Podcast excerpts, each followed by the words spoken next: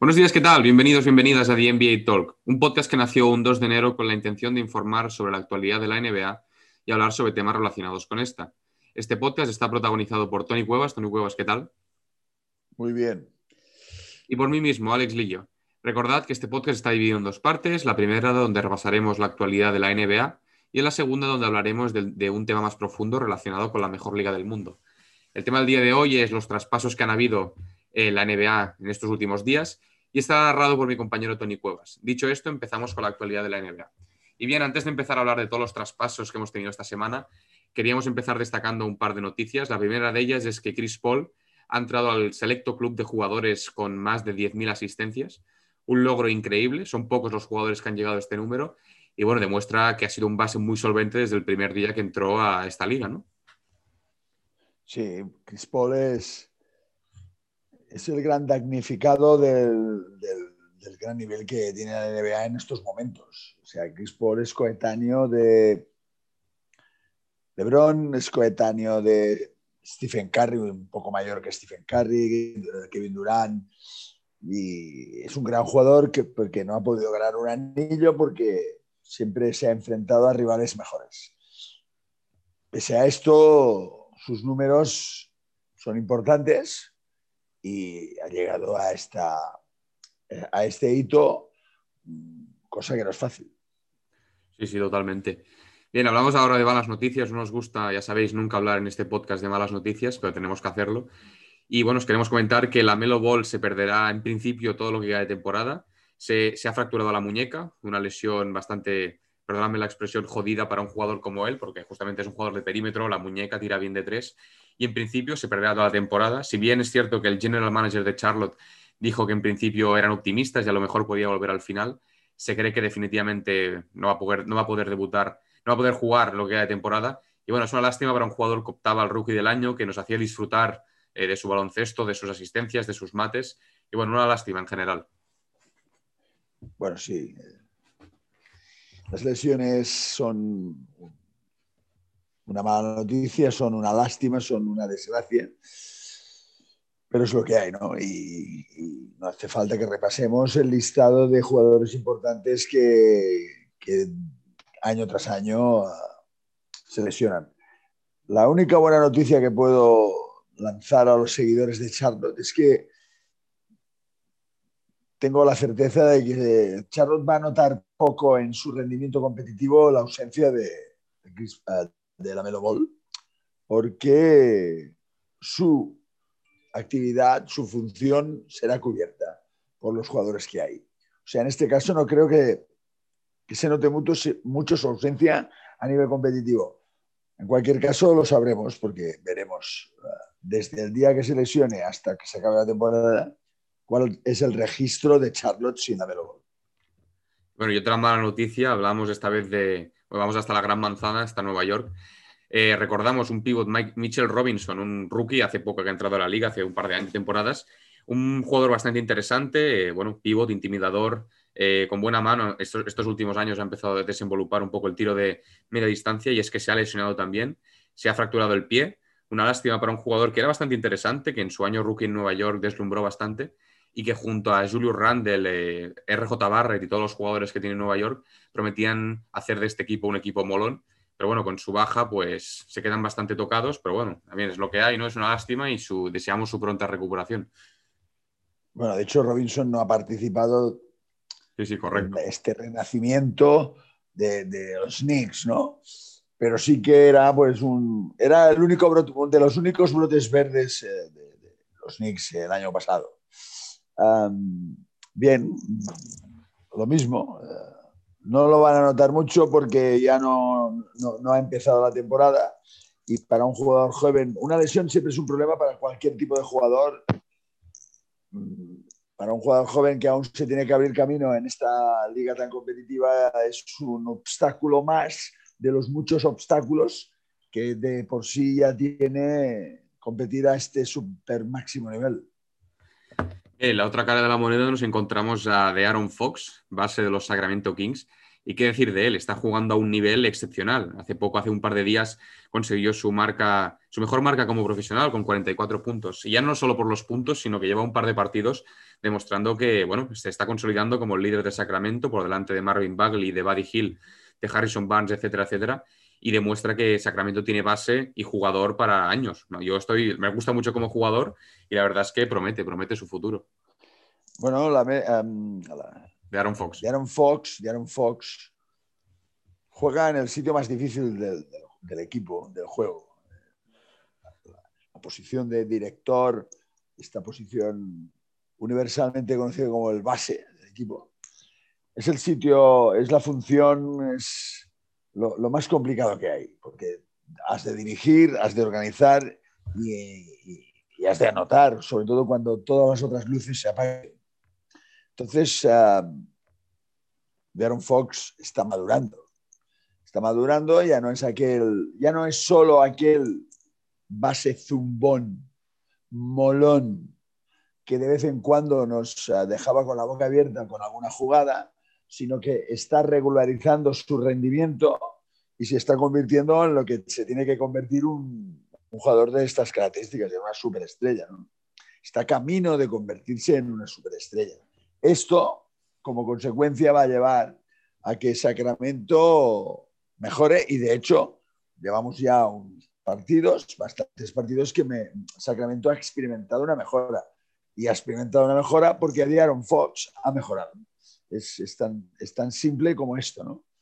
Eh, de hecho, Sacramento lo tiene complicado porque está, el, oeste es, es muy duro pero la existencia del play-in da opciones a más equipos a entrar en la pomada y Sacramento tendrá sus opciones, aunque sea difícil eh, el reto, ¿no?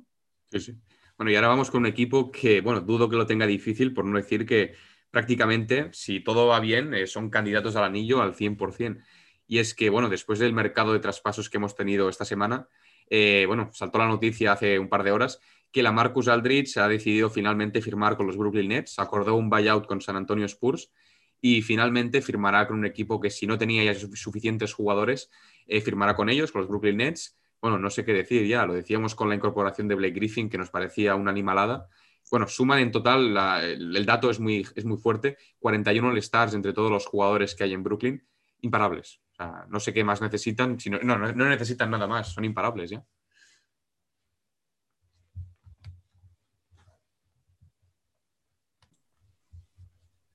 Bueno, la Marcus y, Griffin son dos casos parecidos. Son dos jugadores con una gran trayectoria en la liga que, que, no, han, que no han optado al anillo en, ningún momento de sus carreras y que al final de estas son llamados, van a parar a un equipo con, con estructura para ganar el anillo, cobrando, mm, reduciendo su sueldo al mínimo eh, sacrifican el sueldo pues para, para entrar en la historia, ¿no? Para entrar, para, para aumentar un legado que en este caso, eh, en el caso de la Marcus y en el caso de, Griffin, es un legado eh, que en principio podemos decir esta frase de que no se corresponde con su calidad, que no es así, porque el nivel es muy alto y aquí la historia está llena de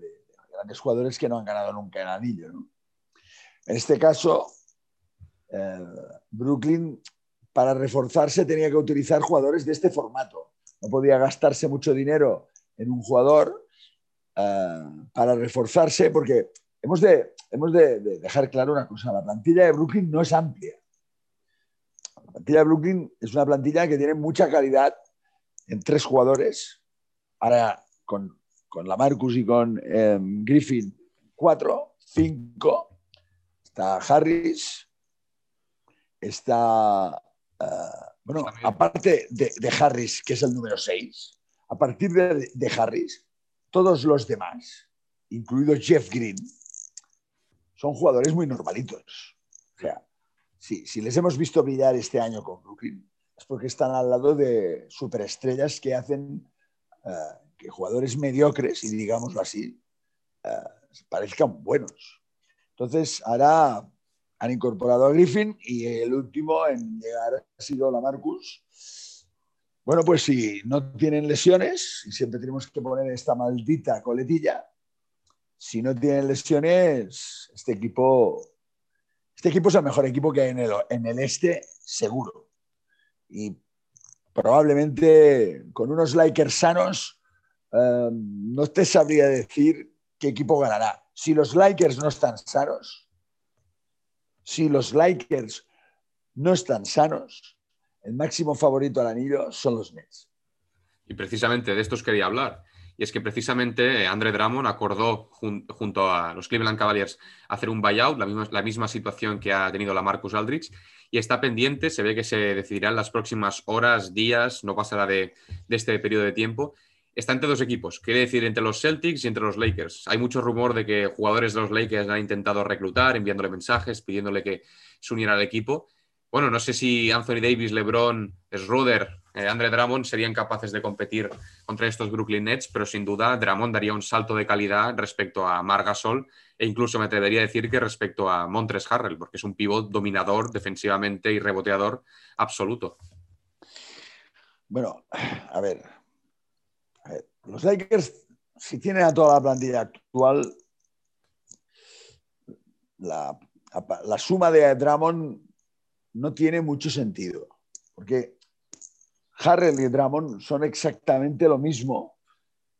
A lo mejor puedes decir que, que es numéricamente mejor, un poco mejor, pero Drummond con toda la plantilla de los Lakers, yo no le veo mucho sentido, porque la plantilla de Lakers es mucho más extensa.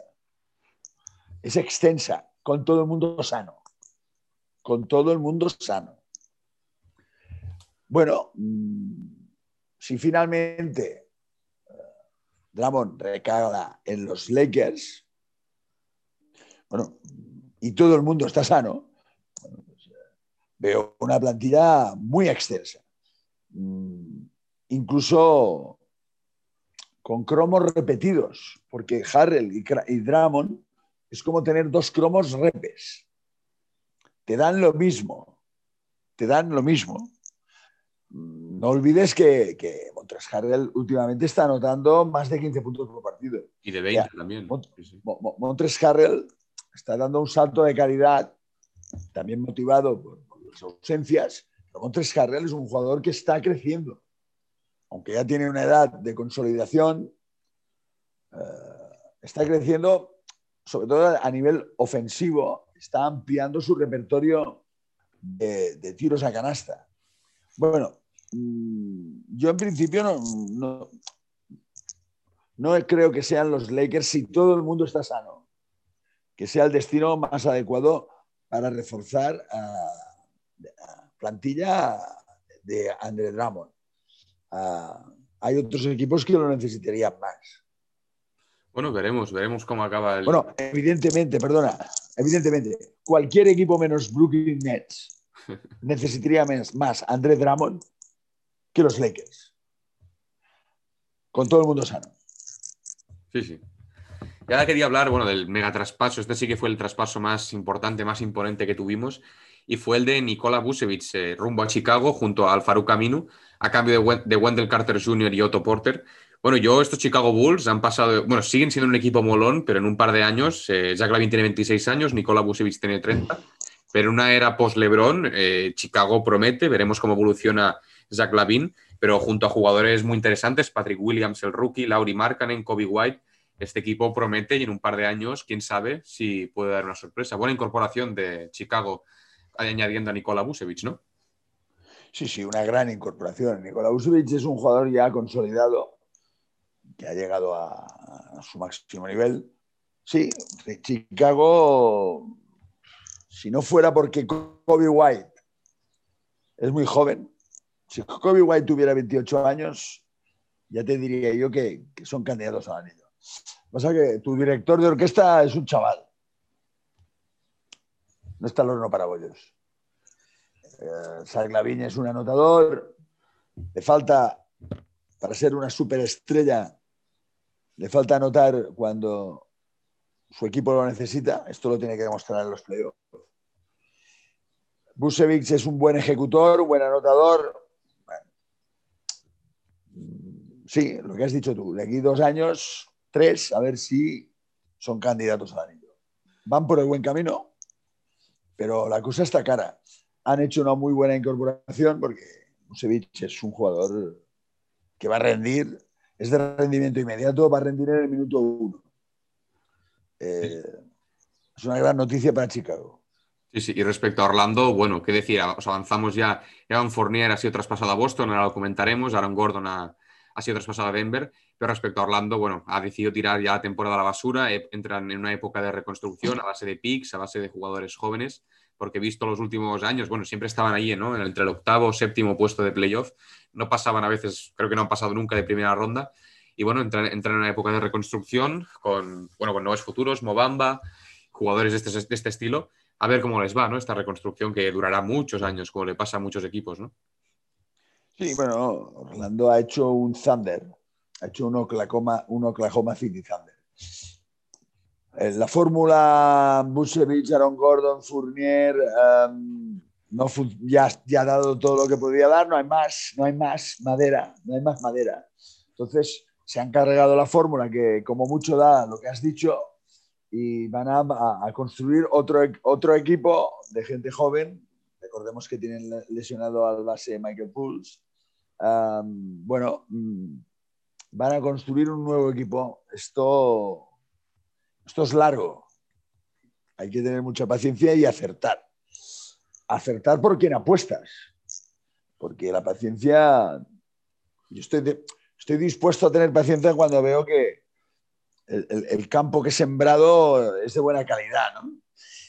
bueno, vamos a ver si lo saben hacer. Eh, no es fácil porque Ah, ya hemos dicho muchas veces que hay dos fórmulas para construir un equipo campeón. La fórmula vía rápida de Nets o la fórmula vía rápida de Lakers. Fichó superestrellas y vamos a por el título. Esto se lo pueden permitir algunas franquicias, otras franquicias, por lo que sea, optan por la fórmula pasito a pasito. Vamos a ver si conseguimos tener un equipo que pase a ser molón y de molón a candidato esto es, esto es largo porque, porque a nivel es muy alto, la montaña es de mucha altitud y por el camino pasan muchas cosas. Pero Orlando ha optado por esto porque su presente ya no daba para más. Bien, y respecto a equipos que sí que se han reforzado y pasan a ser, si, ya no, si no eran ya candidatos al anillo, empezaremos hablando de Denver, que incorpora a Aaron Gordon. Yo pienso que una excelente incorporación era el puesto que más flaqueaban, ¿no? Tenían a Paul Millsap, ya veterano, y a Michael Green, y bueno, con Aaron Gordon se garantiza un joven prometedor. Si bien es cierto que su rendimiento ha sido un poco irregular, ha bajado un poco, pero junto a Nikola Jokic y, bueno, y Jamal Murray, metiendo 15 puntos por noche o 12 puntos por noche y cogiendo 5 rebotes, ya la aportación será inmediata y dará un salto de calidad ¿no? estos, a estos Denver Nuggets. Bueno, esto es lo que esperan los Denver Nuggets. Han cambiado a Aaron Gordon por Gary Harris. Bueno, ¿Qué se espera de Aaron Gordon en un equipo como Denver? Pues que defensivamente sea un tío duro. Ah, tiene que encargarse de, defender al bueno del equipo contrario. Bueno, es importante lo que tiene que hacer porque Denver necesita un plus para, para ser con más, las letras más grandes candidato al anillo es una muy buena incorporación, es una buena idea, una buena decisión, porque están buscando algo más y esperan tenerlo con el físico de Aaron Gordon. Gary Harris es un buen jugador, eh, pero ha sido muy intermitente. Físicamente ha tenido lesiones, ha faltado muchos partidos. Bueno, buscaban, buscaban, buscan. Cuando buscas mejorar, en este caso, Aaron Gordon les tiene que dar ese plus, más que puntos, que también, esto es lo que has dicho tú, los 12, como mucho 15 puntos, pero ha de dar solidez defensiva, ha de dar físico a un equipo que aún es un poco joven, faltan pelos en el pecho en Denver, pero Aaron Gordon, estos pelos en el pecho van a llegar. Esto es lo que ellos esperan y desde aquí vemos una buena idea su adquisición. Bueno, y del Big Three de Orlando, el último que falta de hablar es Evan Fournier, que pone rumbo a Boston. Eh, a cambio, Orlando recibe a Jeff Tick, un base que bueno, apenas está jugando y dos segundas rondas. No sé, es una incorporación un poco extraña, ¿no? Porque tanto Evan Fournier, Jalen Brown y Jason Tatum comparten un poco el perímetro, ¿no? Son jugadores muy similares, necesitan el balón para anotar. No se me ocurre cómo podría encajar como sexto hombre. A lo mejor, no sé, vemos a un Jason Tatum mucho más director o un Evan Fournier mucho más director. Pero bueno, sin duda es una buena incorporación porque por, este, por estos bueno, por este jugador y estas dos rondas, conseguir un jugador que mete 20 puntos por partido es, bueno, es bastante satisfactorio, pero bueno, tengo, más, tengo mis dudas en Boston, no sé, no sé cómo saldrá esta, esta operación. A ver, primero, que Jeff T haya marchado es una buena noticia. Insisto en que Peyton Pritchard es un jugador que necesita tiempo. Juega en una posición muy complicada, pero tiene talento para ser el futuro base de Boston. Por tanto, e-, eliminemos, y perdón por la expresión, malas hierbas para que crezca esta flor. Jeff T, con todos mis respetos, no pintaba nada. Vale, en clave Peyton Pritchard, Jeff T, ok. Fournier, para mí Fournier no va a aportar nada a Boston. A no ser porque tenemos a Marcus Smart, ese extraño elemento, no, no, ese extraño elemento no, pero ese elemento más extraño de lo que parece, Marcus Smart. Marcus Smart también juega en la posición de Fournier. Son jugadores diferentes, pero juegan en la misma posición, en el perímetro. bueno, a ver, el perímetro. Tienes a muchos jugadores. Jalen Brown, Jason Tatum, Smart, Fournier, Kemba Walker, Volker, Peyton Pritchard. Bueno, yo no veo a Fournier aportando nada, la verdad. Porque lo que puede aportarte ya te lo aportan otros mejor que él. Veo a Fournier con dificultades para jugar, para encontrar sus tiros en Boston. Ah, bueno, vamos a ver. Yo creo que en Boston se están volviendo un poco locos porque están nerviosos me sorprende mucho que un tío como Danny Ainge se le esté yendo, se le vea tan nervioso. No tiene que estar nervioso. Tiene que saber que sus estrellas tienen 23 años. Veremos, veremos cómo sale. Entonces, no, no, no, que no se ponga nervioso. Como mucho, llegará a playoff. Muy bien, llegará a playoff. Primera, segunda ronda, no esperes más. Han traspasado a Teis, y en el sitio de Tays no han incorporado a nadie. Ahora tiene a Tristan Thompson. Aquí se empeora. Aquí se empeora. Se va un tío que rinde como Tays y te quedas con Frank Williams, Grant Williams, que son muy jóvenes, y Tristan Thompson, que es un jugador de pelea para pegarse ahí dentro de 15 eh, minutos por partido. Y te dejas dejas marchar a Teis, que siempre, siempre suma. Sí, cumplía, un jugador que cumplía, cumplía cuando... Siempre cumple. Entonces, yo no veo, y viene Fournier que para mí no aportará nada. Bueno, vamos a ver. Yo no veo a Boston, no veo a Boston que últimamente, veo a los de Boston últimamente muy nerviosos. Y, y Brad Stevens, que tiene muy buena prensa, ser entrenador no es fácil y cuando las cosas se tuercen es difícil ser un buen entrenador. Y lo avanzo aquí, lo, lo dije y lo vuelvo a repetir y lo aumento. En este equipo sobran. Kemba Walker. Marcus Smart. Y diré por qué y Tristan Thompson. Kemba Walker porque es un jugador cronológicamente muy dispar con los jugadores estrella de Boston y que obra mucho dinero. Marcus Smart es un fajador, un trabajador, se parte la cara, pero se le han subido los humos y como los jefes son muy jóvenes, se les, está, se les está subiendo a las barbas. El último partido que vi de Boston, hace dos partidos, tiró más tiros Marcus Smart que Jason Tatum. Los tiros del partido los tiró Marcus. Esto no puede ser. Marcus Smart es un obrero de lujo, pero es un obrero de lujo. Un obrero de lujo es un obrero de lujo, pero un obrero. No te subas a la parra. Pero como el de la parra, el jefe de, el jefe de, la banda tiene que ser Jason Tatum y Jason Tatum es muy joven, se le suben a la parra.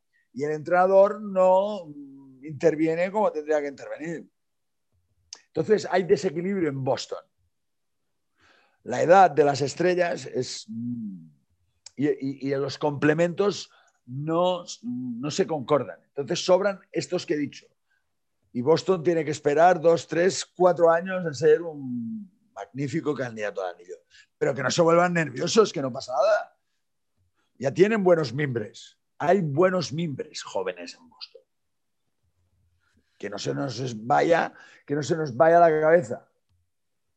Bueno, y precisamente hablábamos antes de Denver, no lo he comentado. Jabal Magui pone también rumbo a Denver. Eh, bueno, venía desde Cleveland. A cambio, a Cleveland llega Isaiah Hartenstein. Recordemos un pivot que pasó por Houston Rockets, un jugador joven, no ha hecho mucho, mucho ruido, pero bueno, Jabal Magui yo pienso que es una buena incorporación. Mejora ya a Isaiah Hartenstein y es un buen recambio para Nikola Jokic, un pivot distinto, más, bueno, ya todos conocemos a Nikola Jokic, también conocemos a Jabal Magui, que aportará, bueno, defensa, más puntos que Isaiah Hartenstein. Bueno, buena incorporación, ¿no? En general. Sí, sí, bueno, no tiene nada que ver con lo que he dicho antes. Magui es una gran incorporación como sustituto de Jokic, es perfecto. Supera a Hartenstein y supera a Plan B que tenían antes. Uh, Jabal Magui tiene 15 minutos por partido muy bueno siempre. 10, 15 minutos por partido, que es lo que, va a dar, eh, lo que le va a dar el descanso a Jokic. Perfecto. Es, una gran incorporación. Denver ha hecho muy bien las cosas, incorporando a Aaron Gordon incorporando a Jamal McGee. Perfecto. Perfectísimo. Bien, y ahora vamos a hablar de Miami. Vamos hasta hasta la costa este de los Estados Unidos, que bueno, han hecho un, un, mercado de traspasos bastante bueno. Incorporan desde Sacramento a Nemanja Bielicha, a cambio a Sacramento llegan Maurice Harles y Chris Silva, y también llega otro gran jugador que estaba en el equipo, como lo denominamos a principio de temporada, en el equipo de Swaze, Víctor Oladipo llega también a Miami, a cambio de Avery Bradley y de Kelly Olynyk. Bueno, dos jugadores que yo pienso que mejoran lo que tenían, Nemanja Bielicha, por supuesto, y Víctor Oladipo también. Y bueno, yo tengo curiosidad por saber cómo juegan estos Miami Heat. Pienso que, no sé, Butler a lo mejor toma un rol un poco más de director, como lo hizo ya anteriormente, olvidándose un poco más de los puntos que metería, porque esos puntos los puede meter ahora tanto Nemanja Bielicha como Víctor Oladipo, más Víctor Oladipo. No sé, a mí me gusta Miami.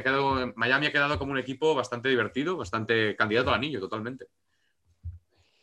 Sí, bueno, Miami nos ha escuchado, bueno, Andrei sabe mucho de esto, a Miami le faltaba, le faltaba munición, en una frase que hemos pronunciado aquí. ¿no?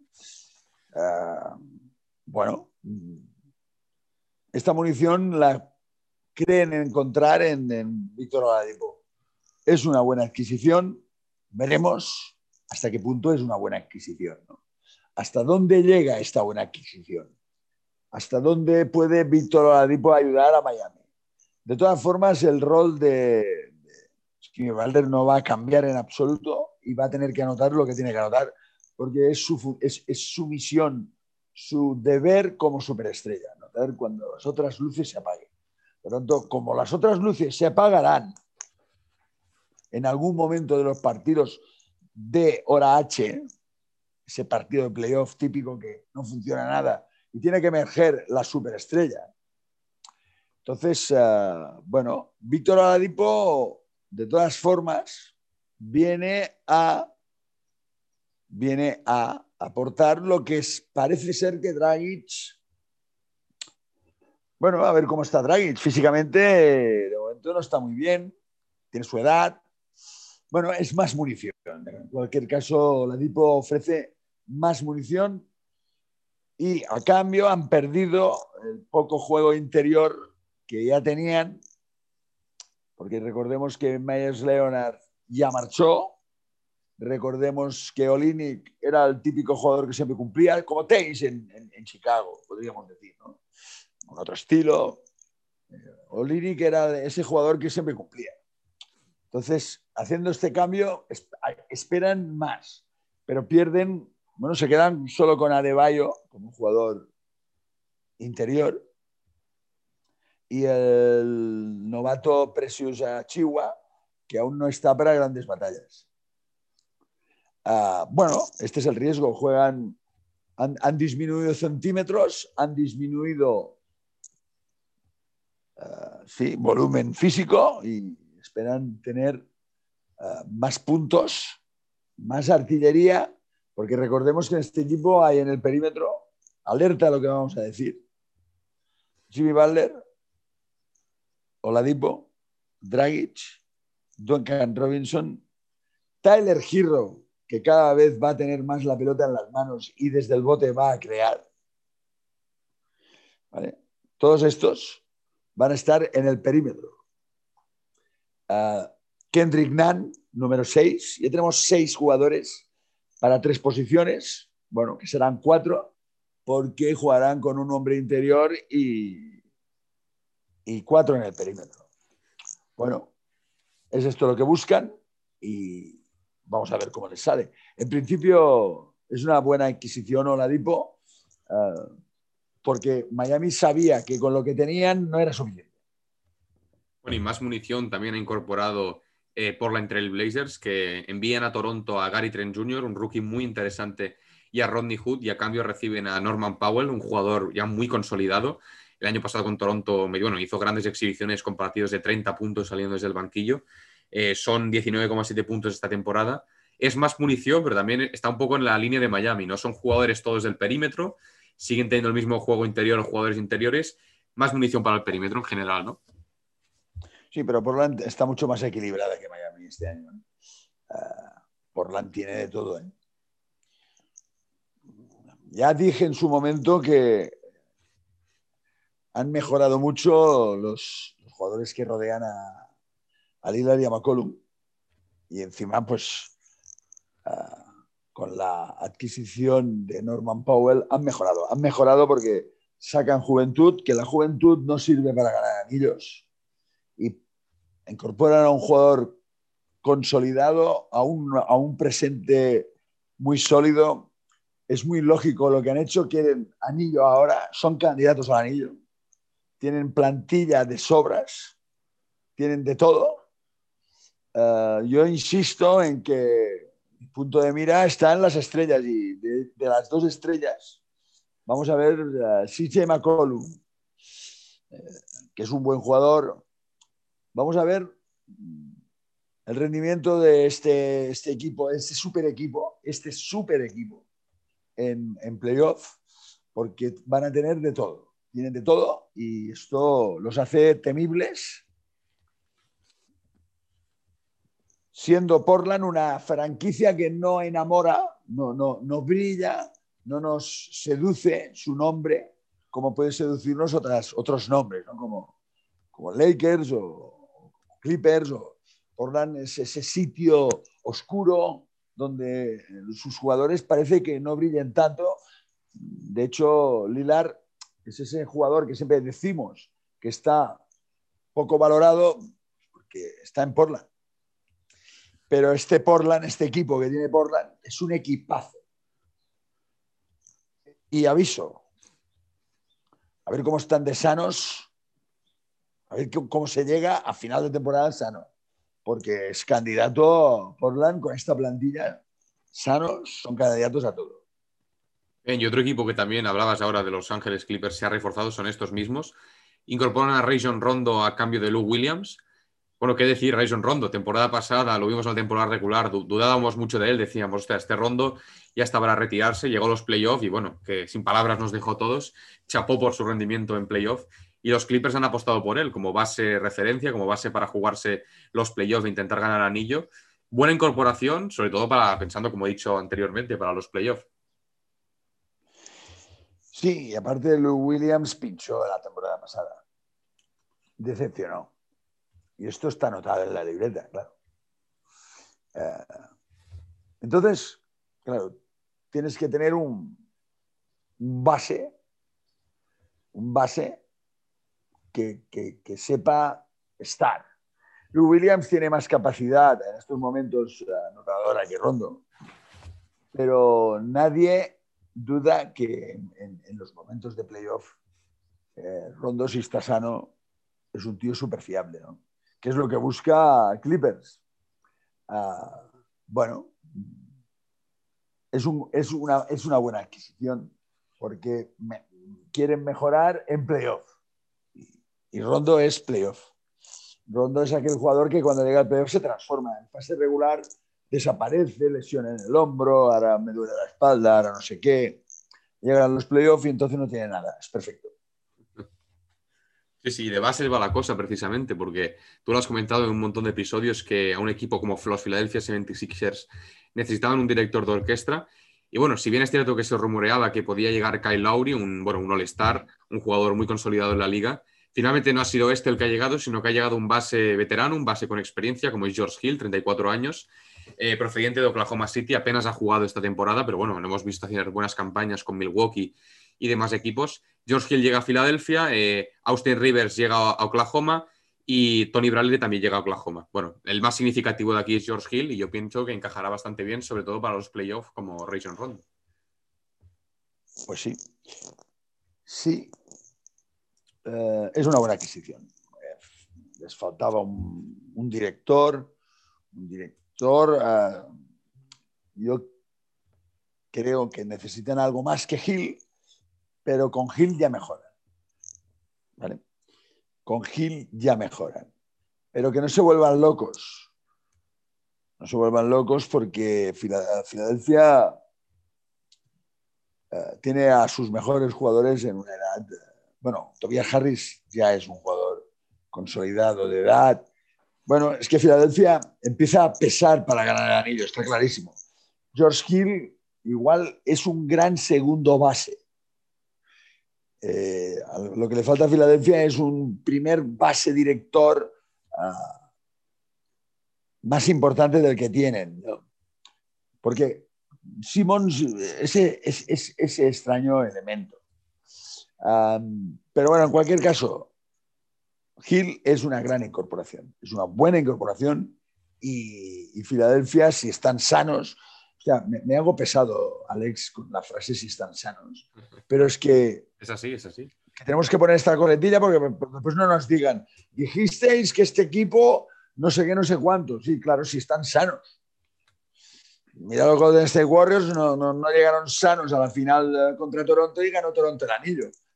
A ver, mérito de Toronto de estar allí en ese momento, ¿no? Pero, claro, hemos de poner la coletilla si están sanos si están sanos, los 76ers están para, son candidatos a, luchar en la final del Este.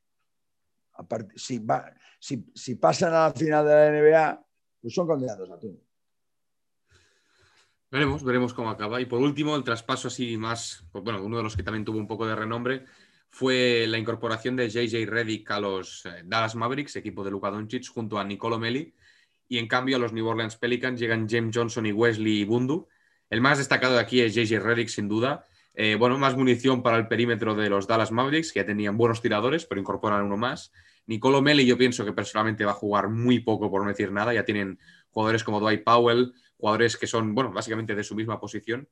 Y bueno, también veremos cómo encaja, ¿no? JJ Redick en estos Dallas Mavericks.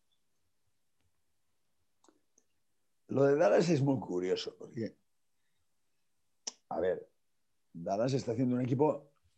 Mira, para que Dallas fuera candidato al anillo, ¿qué tendría que pasar, Alex? Pues, te diría Anthony Davis a los Dallas Mavericks, por ejemplo. No, no, no seas así. Ah, perdón. Con la plantilla que hay. Bueno, pues que Luka ¿Qué tendría que pasar? Luka Doncic tuviera cuatro años más y Porzingis tuviera cuatro. Ahora, ahora. Veo que, veo que vas aprendiendo. El problema de Dallas, la guarnición de Dallas es perfecta. Lo que falla es el, entrecot. Es muy tierno. Luca es muy bueno, pero tiene 21 años. Y por Zinkis le falta algo. Vale, han mejorado. Han mejorado con GJ Reddick, vale, tienen un tirador. Al final, ¿quién tiene la pelota en las manos? vale, mm, se están esforzando para llegar lo máximo lo lejos posible. Vale, está bien. pero es, un, es una incorporación bastante, bastante insignificante comparado con lo que hemos comentado anteriormente. Vale, está bien, es un, tirador más en el equipo, pero Dallas a lo máximo que puede aspirar es a llegar a playoff y, y sucumbir en primera ronda. Bueno, y por mí yo ya estaría, gran mercado de fichajes que hemos tenido, bastantes movimientos. No sé si tienes algo que destacar, Tony. Yo en general me ha gustado mucho este mercado de traspasos.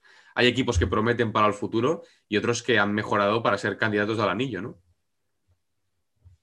Sí, fíjate que hemos comentado que, nos ha parecido razonable pues, el fichaje de Busevich, nos ha parecido razonable el fichaje.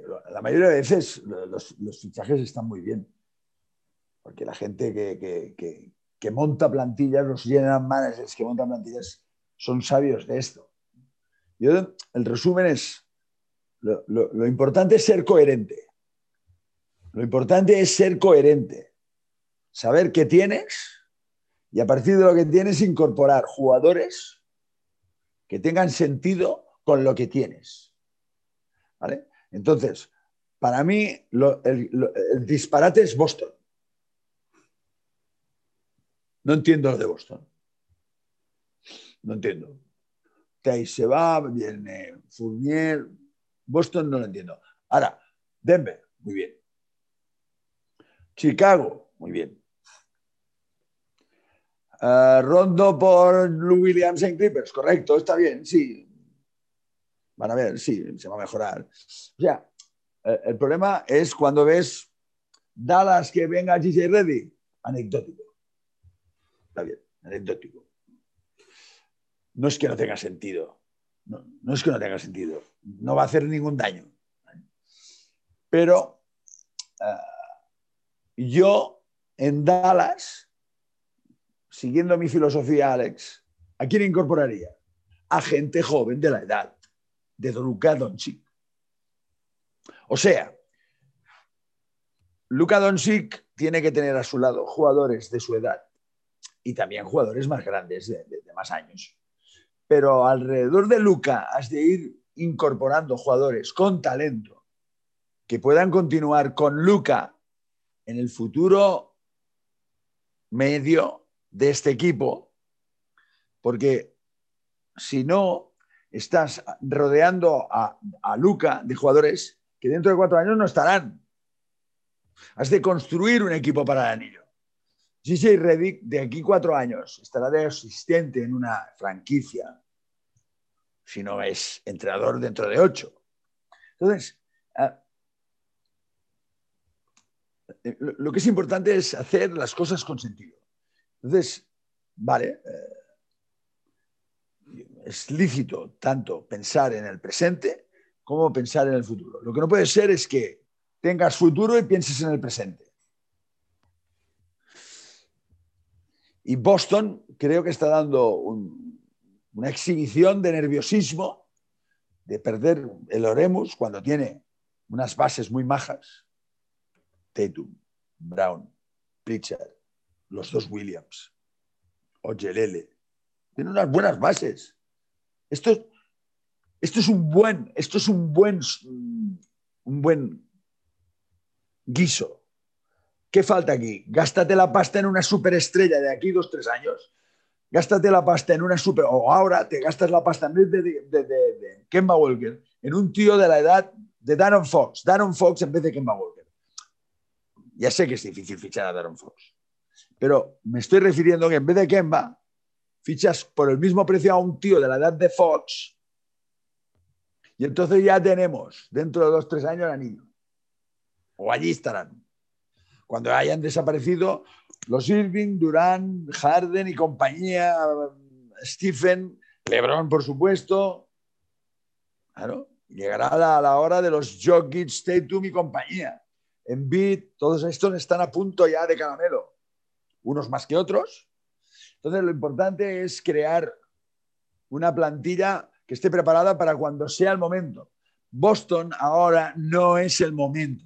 Por favor, no, pongamos freno a la evolución de jugadores jóvenes con los que tú tienes que intentar ganar al niño de aquí dos, tres años. Esto es un poco el sentido de lo que estamos hablando. ¿no?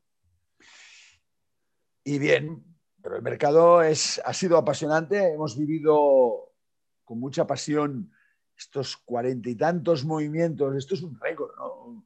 La cantidad de, movimientos que ha habido, todo el mundo buscando mejorar, algunos no, algunos haciendo borrón y cuenta nueva como Orlando. Orlando está diciendo, borro la pizarra y empiezo de nuevo. Orlando ha hecho un borrón y cuenta nueva, porque ya se ha acabado. Ya, se ha acabado la, historia de Busevich, Gordon, Fournier, se ha acabado. Y ahora vamos a esperar a Mobamba y compañía. A Michael Fultz cuando se recupere, Mobamba, nuevo, un nuevo Orlando que ilusione a la parroquia. Y, y, así sucesivamente. Hay que, lo importante es saber a qué quieres jugar. Y bueno, pues sí, sí. En general, en general hemos visto buenos movimientos. Sí, sí, totalmente. Pues bueno, amigas, amigas, este episodio ha llegado a su fin. Esperamos que os haya gustado. Recordad que nos podéis seguir en nuestro Instagram, arroba NBA Talk Podcast. Tony Huevas, muchas gracias por acompañarme. Gracias a todos los que nos escuchan también. Y os recordamos que nos vemos el próximo domingo. Un abrazo y adiós.